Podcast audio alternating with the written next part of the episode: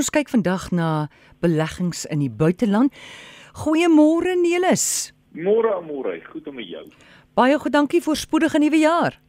Voorspoed vir jou. Mag dit net makliker wees as die vorige een. ons hou duim vas. Nelis, hoekom sal 'n mens moet belê in die buiteland? Môre, dis 'n vraag wat in die laaste paar jaar veral vreeslik baie gevra word. In die buiteland is altyd so, daar's altyd so 'n bietjie vreemdheid en 'n bietjie wonder daaraan. Uh, laat mens dink aan die ou spreekwoord van die gras is groener aan die ander kant. So ek wil my praatjie vanoggend open met die stelling dat as ons praat van buitelandse belegging, is dit nie 'n wegvlug van Suid-Afrika af nie. Dis glad nie die doelwit nie om te gaan kyk na buitelandse belegging. Ek het eenmal 'n kliënt gehad wat dit vir my baie mooi opgesom het. Hy het gesê as ek jou met al jou geld in 'n tas op die maan gaan neersit en jy moet besluit waar op die aardbol jy jou geld wil gaan uitpak, sal jy onwaarskynlik al jou geld aan die suidepunt van Afrika gaan sit.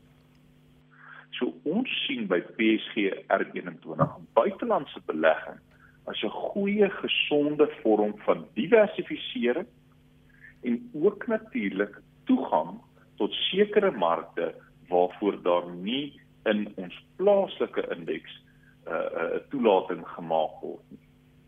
Maak dit sin? Absoluut. Nou, Nelis, waar begin ek as ek in die buiteland wil belê? Dis natuurlik is dis 'n vreeslike breë vraag en en dit maak mens bang partymal nê met mm. vreemde lande en vreemde indekse en en en vreemde valuta. So die eerste plek waar mense begin is om te kyk watse tipe struktuur jy gebruik wil maak om blootstelling tot buitelandse belegging te kry. Nou die eerste moontlikheid wat 'n mens kan volg en dis natuurlik die eenvoudigste is deur gebruik te maak van wat ons noem 'n toevoerfonds of in Engels 'n feeder fund. Nou hoe die proses werk is dis 'n gewone Suid-Afrikaanse belegging in rand wat dan die verhandelings van 'n moederfonds in die buiteland volg. So daardeur kry jy die buitelandse blootstelling met die groei en die val van die internasionale markte sonder om jou geld fisies uit Suid-Afrika uit te neem. Dis 'n baie goeie wegspringplek vir iemand wat net so bietjie hulle tone wil nat maak en 'n bietjie kyk hoe die ding werk. Voordele hiervan natuurlik is jy gebruik nie van jou uh jaarlikse toelating nie waaroor ek nou verder sal uitbrei. Tweede voordeel hiervan is dit is likwid. So dis baie eenvoudig om jou geld weer daar uit te kry sou jy besluit dis nie vir jou nie. Die nadeel hiervan is jou geld bly ten alle tye in rand. Hmm. So wat dit sommer in gewone Afrikaans beteken as jy 'n drastiese versterking het in die rand, soos wat ons tipies gister op die mark gesien het, dan voel jy dit nogal erg op jou belegging aan. Daar's 'n redelike negatiewe beweging op jou belegging met 'n versterkende rand aan die aan die ander kant van die valuta is gewoonlik 'n uh, Amerikaanse dollar. So as jy die rand sien wat versterk teenoor hom natuurlik negatiewe impak op jou belegging. So dis 'n ietsie om aan gewoon te raak. Goed, in in bateruil transaksie is dit dit of het jy dit nou net genoem? Nee, so bateruil transaksie, ek kan sien jy het hierdie goed goed genavors. Die bateruil transaksie is nou 'n effe meer komplekse vorm van die transaksie wat ek nou net verduidelik het. So waar 'n batereining in plek sal kom, is tipies vir iemand soos 'n maatskappy wat 'n buitelandse belegging wil maak, maar 'n buitelandse belegging kan nie gedoen word deur direkte belegging nie. Dan sou hulle gebruik maak van 'n batereining. Nou hoe batereining werk is jy gebruik dan van die beleggingsmaatskappy, kom ons sê sommer nou vir die gesprek PSG se buitelandse toelating om toegang te kry tot daai direkte buitelandse aandele. So voordele daarvan weer eens baie dieselfde as 'n toevoerfonds. Jy kry toegang tot daai buitelandse mark sonder om die geld direk uit Suid-Afrika uit Die nadeel is jy's natuurlik steeds permanent blootgestel mm. aan die rand. Nou wat die batereiling 'n bietjie beter maak as die toevoerfonds, is daar twee punte natuurlik. Die eerste punt wat vir my uitstaan is jy kan spesifieke direkte aandele gaan koop soos die goed wat maar op almal se tonge is die laaste jaar jou Facebook, Amazon, Alphabet, Google. Jy kan direk toegang kry tot die goed wat jy nie noodwendig in 'n toevoerfonds kry nie. En dan natuurlik die tweede voordeel daarvan is jy kan dit in 'n maatskappy doen wat 'n maatskappy in staat stel om die buitelandse beloofstelling te kry. Hmm. En uh, hoe werk hy direkte belegging? Dis nou natuurlik die een wat al hoe meer algemeen word. So 'n direkte belegging natuurlik beskikbaar slegs vir natuurlike persone. Dit is moontlik om dit gedoen te word deur 'n maatskappy, maar dit kom met 'n baie baie groot stel reëls. So vir 'n individu is dit moontlik om geld direk uit Suid-Afrika se grense uit te neem.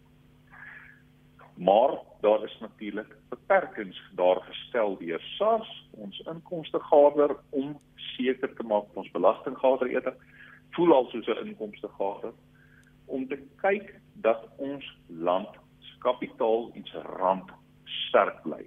So jy's beperk tot 1 miljoen rand 'n jaar diskresionêre toelating. Dit beteken jy hoef nie aansoek te doen om die geld te mag belê nie en dan boop dit 'n verdere 10 miljoen rand per jaar deur mate van 'n SARS aansoek. So in totaal 11 miljoen per jaar, maar dit kan natuurlik vir die luisteraars soos 'n astronomiese bedrag klink. Maar die oomblik as 'n mens daai geld omskakel in dollar, is daar ongelukkig nie so baie oor nie. Want soos julle nou natuurlik hmm. bewus is, ons Suid-Afrikaanse rand die oomblik as ons in die eerste wêreldslande begin werk met die geld, in dollar, in pond of natuurlik in euro of in in in selfs in Swiss frank kry ons maar min vir ons Suid-Afrikaanse rande. So as jy nou gaan kyk na 'n populêre aandeel iets soos uh, Amazon waar 'n ou nou aan die ander kant van 2800 dollar 'n aandeel betaal vir dis nou vir een net. Mm. Is dit nog 'n redelike klompie rande wat hy bymekaar ja. moet maak voor 'n ou daar uitkom. Goed. So Nelis, dankie. Daar's nou 3 maniere om uh, toegang tot buitelandse beleggings te hê. Een is 'n plaaslike fonds wat in die buiteland belê word. Dit word 'n feeder fund genoem of 'n toevoerfonds. Dan is daar 'n barterruil transaksie en dan 'n direkte belegging. Nou waarin moet ek belê? Dis natuurlik vir die hoender wat die goue eiers lê, nê? Nee, daai mm -hmm. wonderlike 1 miljoen vraag. So die eerste ding wat 'n mens daarmee gaan kyk is jou aptyd vir risiko. Hmm. Onthou in Suid-Afrika veral gebruik is is rente-drawende instrumente tipies goed soos geldmark en so is nog 'n groot gedeelte van baie van ons beleggers se gereedskapkis. Die oomblik as 'n mens in die eerste wêreld in beweeg, 'n uh, kontant in kom ons gebruik net maar sommer Amerika as 'n voorbeeld. Die rentekoers op kontant is prakties nul. Mm. So jy kan nie die geld in kontant laat nie. So jy het basies een van twee opsies. Jy moet of gaan kyk na aandele of gaan kyk na skuldbriewe. En selfs die groei op skuldbriewe is maar matig. Jy weet ons kyk tipies na 1.52% per jaar. So aandele is maar die roete om te gaan. Maar dit vat so bietjie hoër aptyd vir risiko as wat jy tipies veral plaaslik sou gewoond aan wees. Maar onthou as mens geld uit die land uitboek om om internasionale blootstelling te kry, is dit baie selde vir korttermyn doelwit. So as 'n mens jou gewone beleggingsbestuurbeginsels volg om te, om die horison van die belegging saam met die risiko van die belegging in ag te neem, kan 'n mens dit eintlik nogal veilig doen met die hulp van 'n professionele firma natuurlik. Ek het hier 'n vraag van Rihanna. Sy sê Niels, is dit moontlik as as ek vir jou 'n lomp som gee van 'n 100 000 rand, kan ek dit net so vir jou gee en gaan dit help en waar sal jy dit vir my belê? Dis 'n baie goeie vraag, maar want dis natuurlik die volgende ding wat ons ook gereeld oor ons pad kom. Ons praat nou hier van 1 miljoen en 10 miljoen. Wat gebeur met die persoon soos Rihanna wat met 100 000 rand sit? Daar's een van twee oplossings vir die 100 000 afhangende van die individu se likwiditeitsvoorwaardes. Dit wil nou sê jou behoefte tot toegang tot die geld. So die eerste opsie vir 'n 100 000 rand sou wees om die roete van 'n toevoerfonds te gaan of 'n feeder fonds soos ons in die eerste gesprek genoem het. Want jou 100 000 rand kan nie daarin vloei. Daai tipe belegging is koste sensitief wat natuurlik belangrik is by die kleiner bedrae. En dan natuurlik die derde ding is daar's toegang tot daai geld as 'n mens dit weer nodig het. Ek sou dit daar laat totdat die 100 000 dan nou of met byvoegings van die kliënt af of groei uit die mark uit nader kom aan 4 of 500 000 en as 'n mens op 500 000 merk kom, kan 'n mens begin kyk na 'n direkte belegging. Goed, maar daar's geen waarborge hier nie, is daar? Dis 'n goeie vraag. Daar is geen waarborge hier nie vir 'n baie eenvoudige rede. In hierdie spasie is dit is 'n hoër risiko spasie. So om 'n waarborg te gaan uitneem in die spasie gaan soveel kos dat jy baie van jou groei dan op die tafel gaan laat. Mm. So as 'n mens dit deel maak van jou langer termyn beplanningsstrategie, is dit jou manier om van jou risiko af weg te skuif dat dit nie so erg is nie. As 'n mens tipies van kyk na na die hele konsep van risiko, het dit in die laaste paar jaar baie duidelik geraak dat die ou manier van dink dat geld maak geld in die bank die klas van dit is veilig en aandele is nie het regtig nogal op 'n draaipunt gekom ek meen ons sit die laaste paar paar maande op die laagste rentekoers in in amper 54 jaar jy kan nie met daai tipe groei oor die weg kom nie. So mense moet amper hierdie risiko begin sien as noodgedwonge. En as jy verder as dit gaan kyk as ons nou net 'n paar van die top indekse vat internasionaal, uh die S&P 500, die FTSE 100, sommer die JSE ook in ag neem oor 'n 5 jaar periode, is hulle almal positief. So as jy jou risiko wil minimaliseer, moet net nie vir 'n jaar of 2 eh, as as 'n beleggingshorison gaan nie. Kyk na 5 jaar plus, dan is dit nie so groot risiko soos wat baie mense dink. Goed, dan wil François weet. Hy sê as ek geld wat in 'n bateruil is vir 15 jaar wil omskakel na 'n ander belegging, gaan dit kapitaalwins sneller? Ja. So dit gaan afhang Die kort antwoord is ja. Dit gaan afhang van die struktuur wat hy in is. So dit is hoogs waarskynlik as dit in 'n bateruil is in een van twee strukture. Die eerste struktuur is wat ons noem 'n diskresionêre of 'n vrywillige struktuur. Dit sal dan onmiddellike kapitaalwins sneller wees, betaalbaar deur François in die volgende belastingseisoen. Die tweede opsie waarin die geld moontlik kan wees is as dit in iets soos 'n delgingsplan is.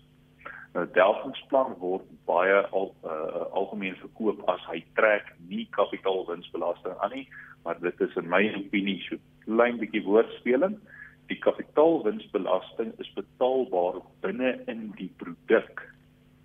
So daar is steeds 'n aftrekking van die kliënt se geld na die belastinggaarder toe dit is net nie 'n gewone uh aanslag wat opduik in die volgende seisoen nie.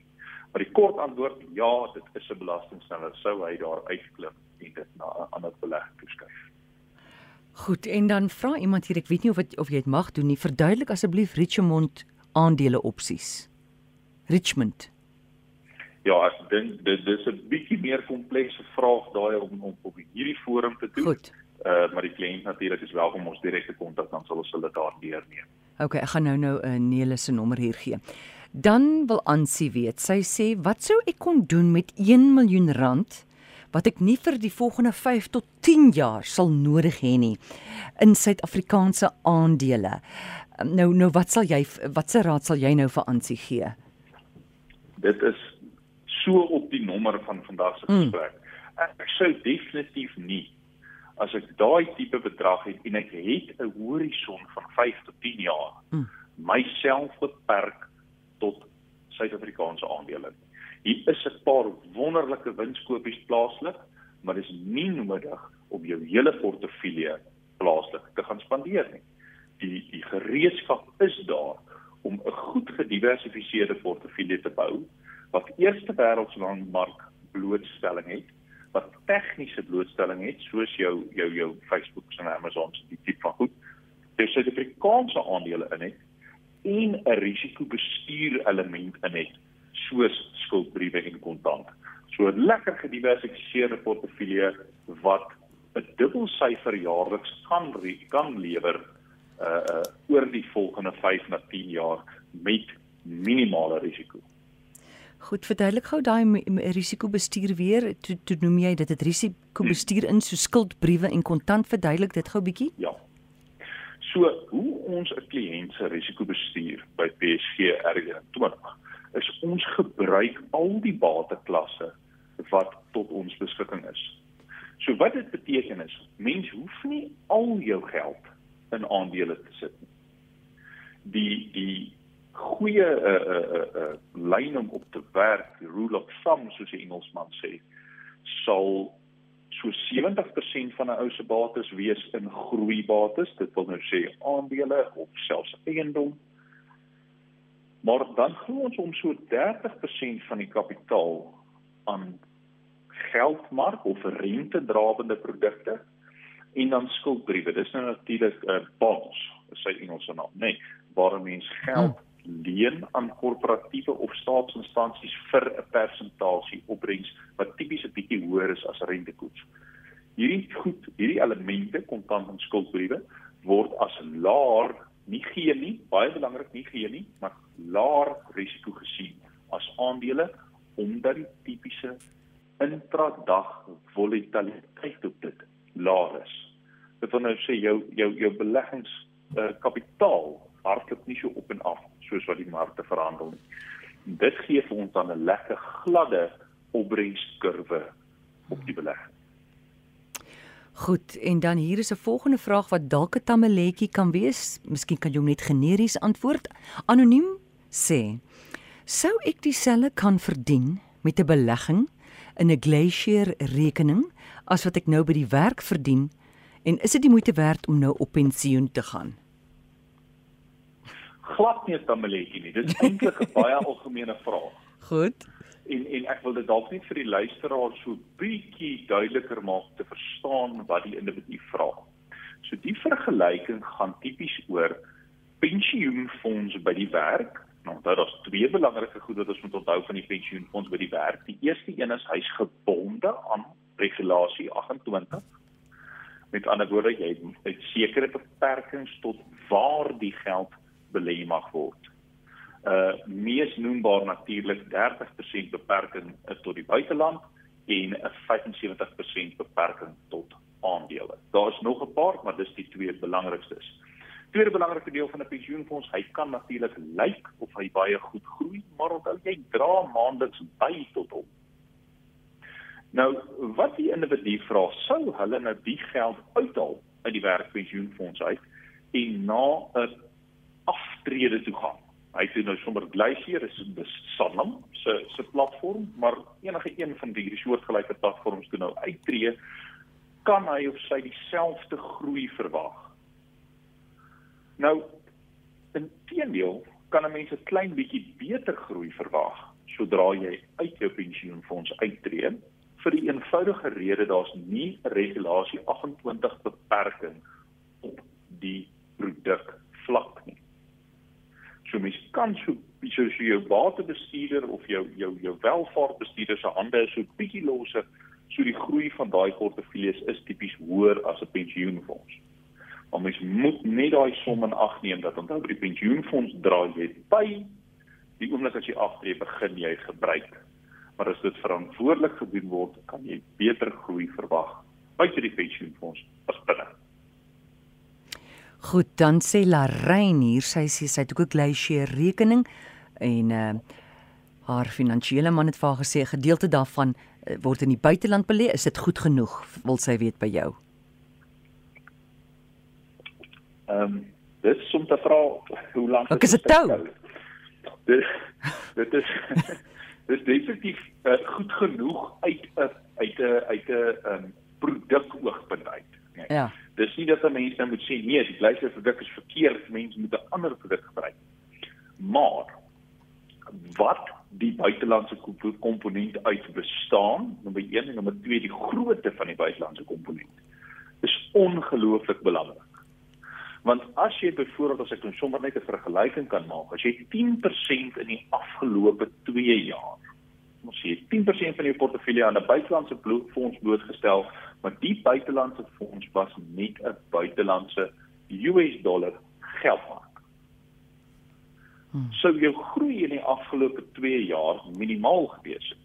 Want onthou, as ons nou gaan kyk daarna vroeg 2020 toe, het die rand met die met die groot COVID krisis gehardloop 19 toe, maar toe het hy maar weer redelik goed herstel tot waar hy vandag sit op 15.25 en op pad verder. So net die verskil in die rand dollar is nie goed genoeg nie. So jou dit sou gelyk het vir jou of jou buitelandse komponent nie veel bygedra het tot die groei nie. Inteendeel, die Suid-Afrikaanse komponent het beter gegroei. Hmm. Maar in dieselfde asem as jy 30 of 40% van jou geld in die buiteland het en jy was blootgestel tot 'n aandele-indeks, kon jou buitelandse fonds vir jou 25 plus persent per jaar vir 2 jaar, so dis altesaam 50% se groei oor die laaste 2 jaar gelewer het. Selfs meer. So baie belangrik, die gelyke produk en die buitelandse blootstelling, dit sal tipies 'n toevoer fonds wees is goed genoeg. Ja, die masjien is goed genoeg, maar maak seker wat in die komponent is en hoe groot daai komponent is, want dit gaan die kritiese gedeelte wees. Goed, laaste vraag van Jan Viljoen. Hy sê vra vir Niels, waar kan ek my geld belê wat rente maandeliks kapitaliseer? Hmm, ek ek dink so so Jan kan nou hier in die vraag een van twee goed bedoel. Uh die eerste ding wat hy natuurlik kan bedoel is waar die geld waar die rente of die groei op die geld teruggeploeg word in die in die in die belegging. En dit gebeur by meeste beleggingshuise. Dis veronderstel om te gebeur.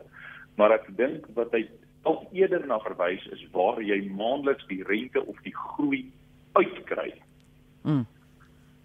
Nou daar kan ons net vir Jan sê kontak gerus vir PSG. Ons gaan nou ons kontak besonderhede gee dan wys ons hom presies hoe leef jy van die groei van jou geld af.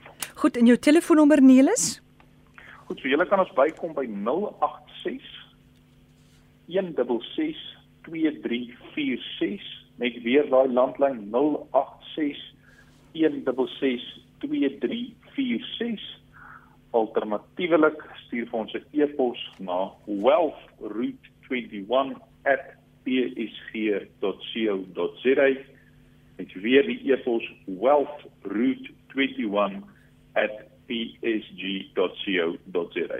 Goed, so dis 0861662346 of wealthroot21 by psg.co.za. Dit is finansies op RSG, aangebied deur Nelis Brink van PSG Wealth R21 in Pretoria en Stellenbosch.